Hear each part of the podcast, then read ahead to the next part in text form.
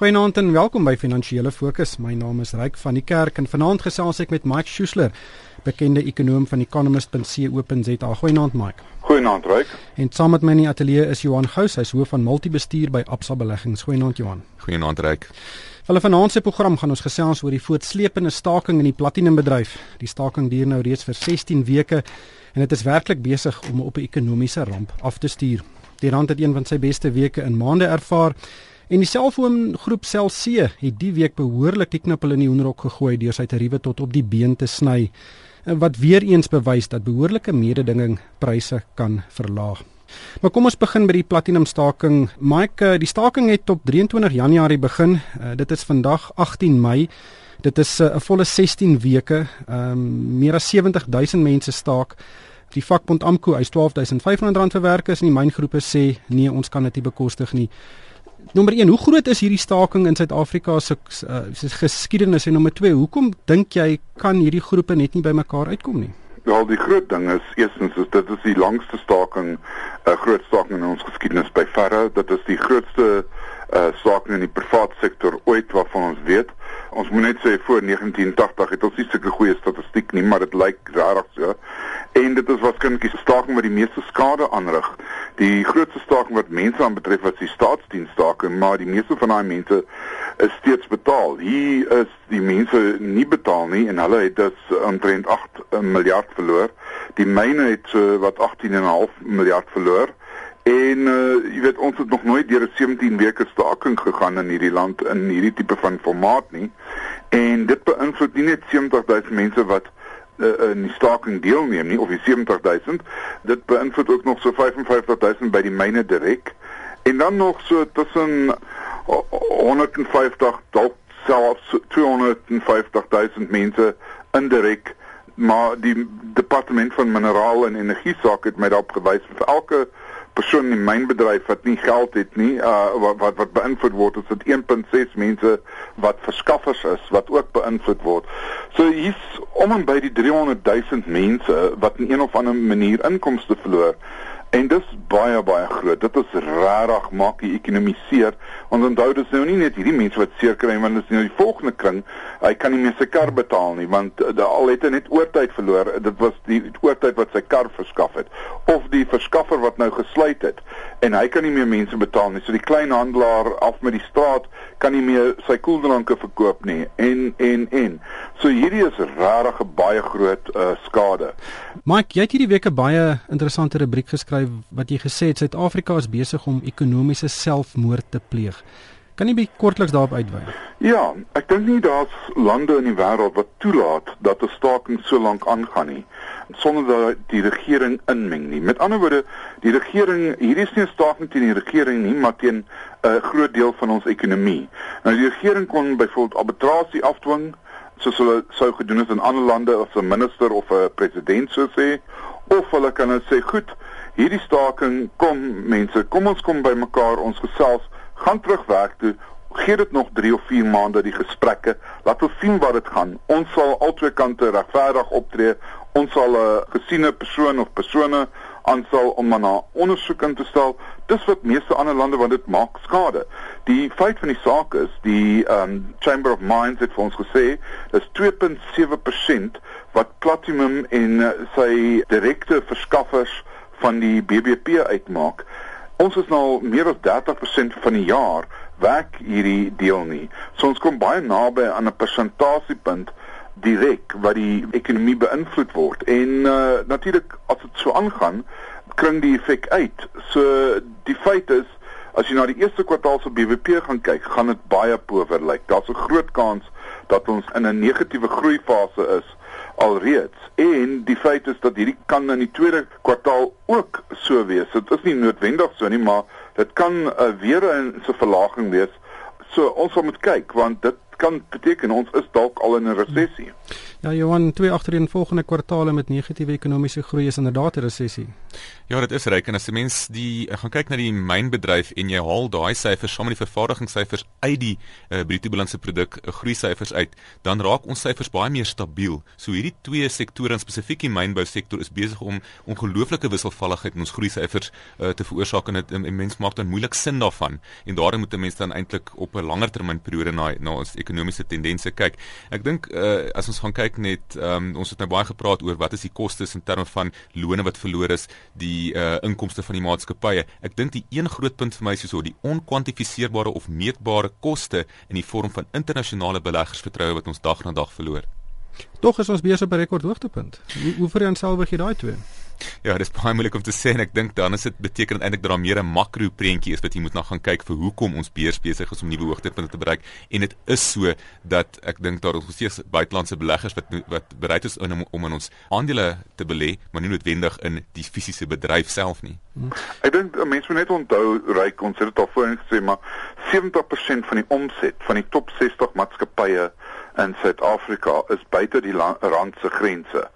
En uh dit is die eerste ding. Die tweede ding is baie van die ander maatskappye wat nog hierso goed het, is is 'n ander tipe belegging as in, in myne.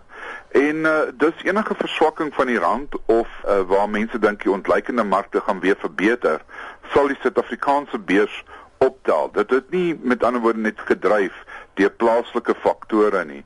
Die plaaslike faktore gaan egter die ekonomie en die ekonomiese groei dryf en daar's 'n baie groot verskil tussen ons ekonomiese groei en werkskepping en al daai tipe fisiese goed wat ons werklik ons sakke dag tot dag raak as wat ons investering op die beurs en daai maatskappye se inkomste raak.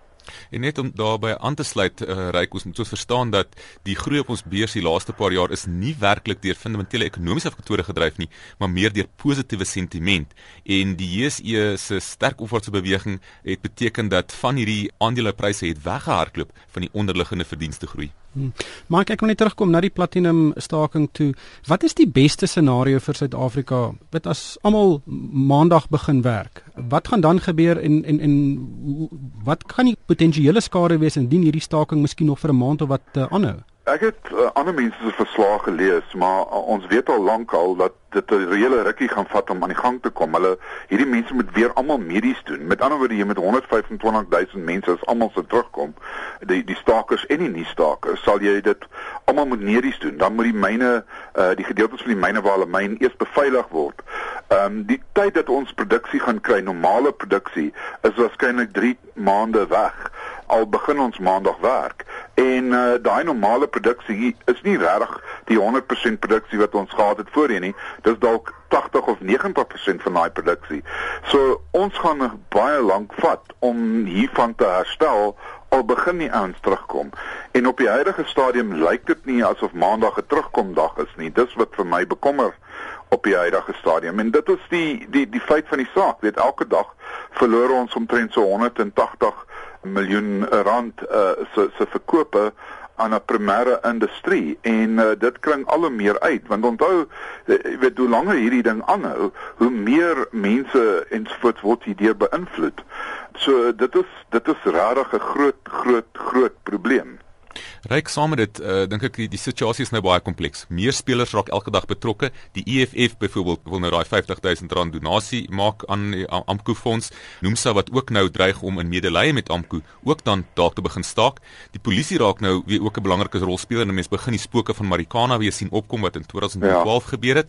En dan uh weet word ook nou al gepraat van nuwe werknemersparty wat dalk of werkersparty wat hulle dalk wil stig onder Nomsa uh, omdat uh, Nomsa voel dat die regering verteenwoordig nie meer hulle belange daar buite nie en dit daar gevoel met die werklikheid verloor is. Ek dink die persepsie is 'n baie belangrike ding wat Johan hier genoem het. Die persepsie van die buiteland en van ons eie mense se investering in Suid-Afrika se arbeidsmag gaan beteken dat ons nie die investering gaan kry om werk te skep nie. En dit gaan al hoe meer dan 'n indruk maak op ons land se politiek en die verskil tussen ryk en arm gaan groter word omdat soveel meer mense arm word. In Suid-Afrika is die probleem nie die ryk kant nie, maar dat 41% van ons huishoudings nie werk het nie. En as ons dit nie kan aanspreek nie, dan gaan hierdie 'n baie langtermynprobleem eh, bly. Ja, Ryk, ek dink ook vir my die groot probleem nou is dat daar is 'n verwagting van R12500 geskep deur Amku. Ons is nou amper verby daai punt waar die werkers voel hulle kan nie meer omdraai nie. Hulle het nou al soveel opgegee hiervoor. En dan dink ek ook daai emosionele saak wat saam met dit gaan want daai R12500 het sy oorsprong in Marikana gehad in 2012. Dit is werklik 'n brandpunt en ons sal dit verseker verhoorend nog fyn dophou. Johan 'n ander ontwikkeling hierdie week was 'n uh, baie interessante een. Cellc, die selfoonnetwerk verras en hy het sy selfoontariewe regtig tot op die been gesny sy uh, voorafbetaalde tarief tot 66 sent en sy kontrak tariewe ook omtrent om 78 sent. Ek wil nie eintlik oor die produkte gesels nie, maar dis regtig, dit lyk of daar 'n prysoorlog in die telekommunikasiebedryf is en verbruikers is die wenners hier en is eintlik een van die baie min bedrywe waar pryse daal. Ja. Ryk deel van hierdie aankondiging van Celsius oor die laer tariewe was om te wys dat die gerugte dat hulle finansiële probleme het dalk nie meer water dra nie. En Celsius is nou al 13 jaar in besigheid, maar het nog nie werklike wins gemaak nie, maar hulle intekenaars is besig om baie vinnig te groei. Vodacom en MTN steek baie geld om hulle markandeel te beskerm en daarom eh, het, het Celsius nou ook nou toegetree tot hierdie stryd en is daai oorlog wat nou, nou begin staan is besig om nou bietjie warmer te word. Hoewel Celsius se intekenaars nou met 35% die laaste jaar gegroei het, het sy inkomste met net 14% gegroei. So Celsius is eintlik besig om hierdie stadium te soek na 'n nuwe deel van die verbruikersmark wat meer winsgewend is. En dan moet Celsius ook natuurlik nog uh, werk doen aan sy netwerk want hy het die laaste tyd bietjie probleme gehad, maar ek dink vir my die groot ding uh, reik hierdie jaar nog is wat gaan die reguleerder besluit rondom daai mobiele terminasie tariewe. Hmm. Dit wat hulle vir mekaar vra om op mekaar se netwerke oproepe te kan uh, gaan maak en, en dit gaan 'n groot bepalende faktor wees oor waar gaan Celsius homself ook posisioneer. Hmm. Mike, ek het my heel eerste selfoon hier in die middel 90s gekry en ek het toe R2.20 'n minuut betaal. In vandag se geld is dit nou so wat R7 'n minuut. En uh, hierdie tariewe het regtig regtig baie baie aggressief geval die afgelope paar jaar. Dink jy daar's ander bedrywe wat ook hierna kan kyk en of die regering kan hierna kyk en dieselfde tipe mededinging probeer kry in daai bedrywe? Tegnologie goed het oor die laaste ruk kwai gedaal. Dis een van die dinge, jy weet, as jy nou kyk die oliepryse en kospryse gaan een kant toe, daar's 'n beperkte hoeveelheid, maar tegnologie, dis nie die geval nie. Jy weet, as jy nou selfs na televisies kyk, ek het uh, my eerste televisie gekoop vir R2000. Dit was 'n klein boks. En nou vir R2000 kry jy 'n redelike uh mooi plat skerm televisie. So ja, dis altyd so aan die goedkoop kant van die mark wees, maar die kwaliteit en al daai goed wat in rekenaars as jy na daar kyk, ehm um, wat jy deesdae koop vir dieselfde prys as wat jy 20 jaar gelede betaal het. So ook dieselfde ding. Ehm um, ja, dis eenvoudig ongelooflik en die ander ding wat ongelooflik is, as jy al die selfoon intekenare en selfoonnommers gaan kyk in Suid-Afrika, as jy dit optel, uh, ek weet nou nie wat Telkom se nou sien, maar net die groot 3 kom jy baie naby aan 75 miljoen mense. En as jy dink ons is net 52 53 miljoen mense in hierdie land, dan sê dit vir jou iets. En as jy dan die jou jonger kinders sê jonger as 6, 7, 8 of waar hulle begin selfone gebruik, uithaal nie gebruik 'n paar ouers wat ook uh jou ouers het nog uh weet op die op die landlyne werk eerder as selfone, as nog een of twee van hulle ook, dan lyk dit vir my of die meeste volwassenes in Suid-Afrika omtrent twee selfone besit reeds. So ek weet nie hoe ver die ouens kan uitbrei nie. Ek sou sê dit word nou dalk tyd nie om net na prys te kyk nie, maar na kwaliteit want ek dink die persoon wat die kwaliteit en die spoed van 'n netwerk en die uh, goed kan uh, beter benut kan dalk wegkom met 'n hoë prys. Johan, uh, die tyd is besig om ons in te haal, maar kos gesels gou vinnig oor die rand. Die rand het hierdie week uh, vlakke van R10 uh, in die 20s ge, getoets, 'n bietjie teruggesak hier na die einde van die week se kant toe. Hoe lees jy die rand se vertoning? Ja, reg, ons het van vlakke van R11.40 op die slegste hierdie jaar nog vandaan gekom. So ons het al amper 'n 9% uh, versterking gesien tot die sterkste vlakke hierdie week. Um, ek dink as twee faktore, dit is randsterkte, sekere faktore vir die rand werk en dan ook dollar swakte, sekere faktore wat teen die dollar gewerk het. Nou die positiewe faktore vir my vir die rand is rentekoers koerse wat op is, beter sentiment rondom opkomende markte en dan ook die netto invloeye in die aandele en effekte mark wat ons die laaste paar weke gesien het. Maar teen die rand bly nog steeds met die lopende tekort, die betalingsbalans tekort, lae ekonomiese groei en dan hierdie beleggersvertroue wat ons verloor weens hierdie stakings. Hmm. Net laastens as ons kyk na koöperatiewe aankondigings, Richemont het uitstekende resultate aangekondig. Maar die groot nuus is dat Johan Rupert gaan terugkeer na die koöperatiewe raadsale. Hy wil weer die voorsitter wees. Uh, dis 'n welkome terugkeer van een van ons groot entrepreneurs. Ja, dit is 'n fantastiese maatskappy en ek dink mense wil graag sien wat sy nuwe idees het na hierdie bietjie van 'n rustyd wat hy gevat het en ehm um, dit is ook baie goed om te sien daardie dividend wat gegroei het met 40%. Ja, interessante statistiek is dat hulle verkoop 7% van hulle produkte in China, maar die 45% van hulle verbruikers is Chinese wat buite China hulle produkte koop. Maar ek net laastens uh, Eskom het hierdie week weer gefluister dat beerdkrag kan kom. Hoe ernstig dink jy is die situasie? Ek dink die situasie is baie ernstig. Ek dink nie Eskom probeer speletjie speel nie. Hulle kom elke nou en dan daarmee voor in dag. Ons weet ook dat hulle nou en dan die groot uh, ouens terughou en uh, nie vir hulle krag gee nie. Ek sou wonder wat sou gebeur het as die platinum smelters nou gewerk het, dan was ons nou ernstig in die moeilikheid. So ek dink op die ou einde hierdie winter vermoed mense dat dit gaan 'n koue winter wees. Dis een van die langtermyn vooruitskattinge wat ek gesien het of kouer as gewoonlik en uh, as dit die geval is, dan dink ek gaan Eskom sukkel en ek dink ons kom terug na beedkragte.